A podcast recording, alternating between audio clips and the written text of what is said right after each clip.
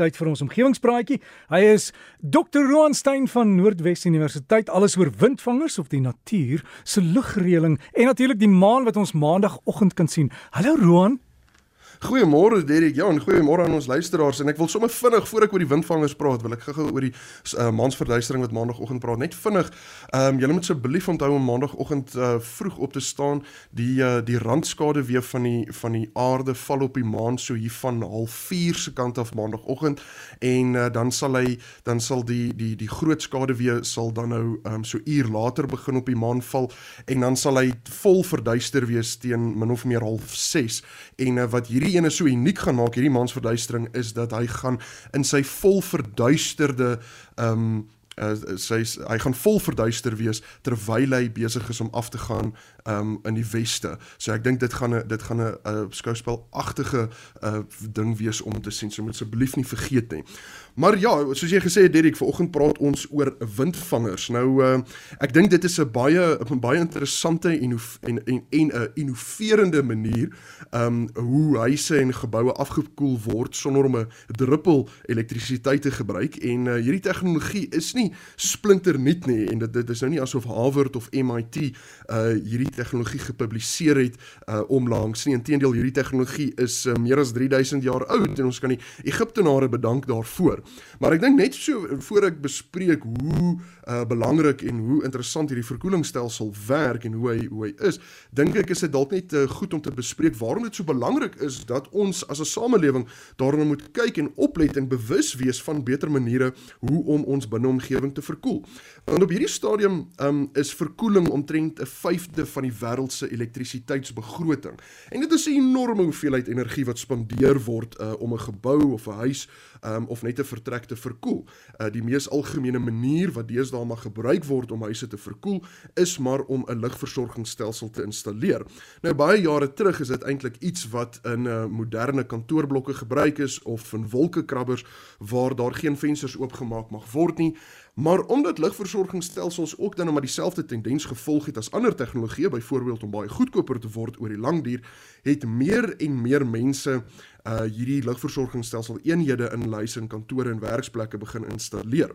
Wat ook gebeur is uh, lugversorging uh, vervaardigers het ook dan nou probeer om die eenhede te ontwerp om so min as moontlik elektrisiteit te gebruik. Maar nietemin Ons het al in die verlede daaroor gesels, lugversorgingsstelsels is nie so baie goed vir die omgewing nie, grootliks as gevolg van drie redes. Eerstens, die byproduk van die stelsel is kweekhuisgasse wat uh, byvoorbeeld die ozonlaag seermaak. Nou dit is ook waar dat daar bestaan uh, uh daar bestaan uh, van hierdie lugversorgingsstelsels wat uh, hierdie kweekhuisgasse vang en dit nie sommer net in die atmosfeer vrylaat nie, maar dit is nie waar vir alle stelsels nie. Tweedens, um, as jy 'n 'n lugversorger in jou huis het, dan weet jy dit gebruik maar heel wat baie elektrisiteit. En dan derdens, en ek dink hierdie rede word daar nie vreeslik baie oor gepraat nie. Dit is die feit dat lugversorgingsstelsels maak die buiteomgewing warm, heel ironies. Nou as dit net een of twee eenhede is, dan hoef ons nie vreeslik daaroor te bekommer nie, maar ongelukkig is daar soveel stelsels al geïnstalleer dat daar 'n meetbare verskil in die temperatuur van 'n stadsomgewing is. Wetenskaplikes uh, het toe nou gekyk na na na hoe hierdie lugversorgers uh, werk en en hoe hierdie lugversorgers ons omgewing beïnvloed.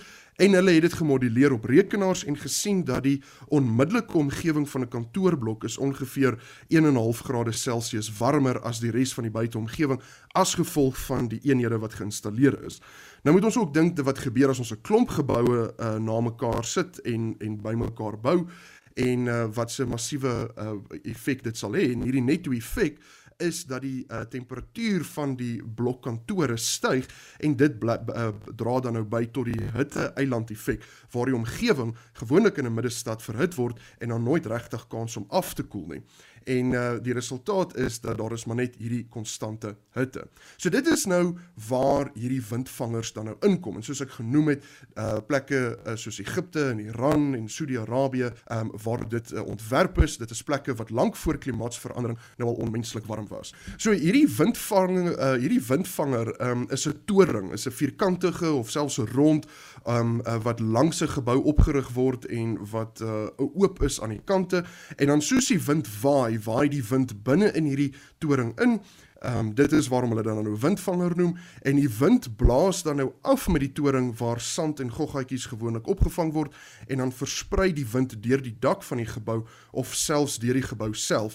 En in baie moderne weergawe waai die wind oor binnehuise waterpoele um, wat die wind dan redelik vinnig afkoel. Nou omdat koue lug swaarder is as warm lug, sak die koue lug en bly dit binne in die huis of kantoor of kerk en die warm lug ontsnap dan deur 'n tweede windtoring aan die ander kant van die huis. En hierdie is 'n baie eenvoudige ontwerp en koel 'n huis af sonder om enige elektrisiteit te gebruik en dit is natuurlik 'n baie groot voordeel. En argitekte in die Midde-Ooste het hierdie ontwerp al baie goed reggekry waar hulle spesifiek na die algemene windrigting van 'n area kyk voor hulle hierdie toring oprig en hulle kyk na hoe ander geboue die wind beïnvloed. En daar bestaan vreeslike mooi torings ofterwel windvangers met met estetiese waarde um, en daar is baie baie verskillende ontwerpe rond en vierkantige torings selfs oktogonale windvangers ensovoorts. Nou uit die aard van die saak sal dit maar 'n moeilike struktuur wees om om om um, in te bring nadat jou huis klaar gebou is. Seker nie onmoontlik nie maar dit sal ek dink baie duur wees.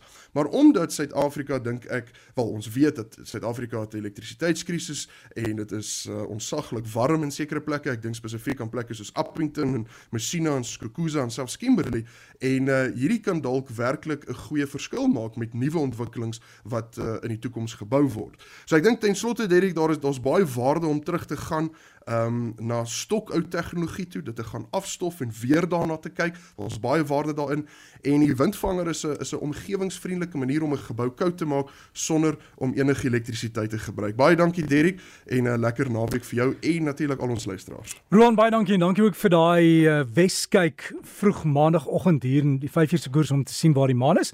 En ons moet seker wanneer ons huise ontwerp moet seker maak ons ontwerp dit sodat jy die wind kan vang en die huis kan koeler hou of warmer hang wat nodig is. Onthou die Facebook bladsy is omgewingspraatjies. Roan plaas vir ons die inligting daar, hy sluk van die maan goed daar plaas. Jy kan alles daar gaan kry, omgewingspraatjies en daarvan af kontak maak met Roan. En ja, kom ons kyk na die omgewing en ek hoop jy het 'n cool dag.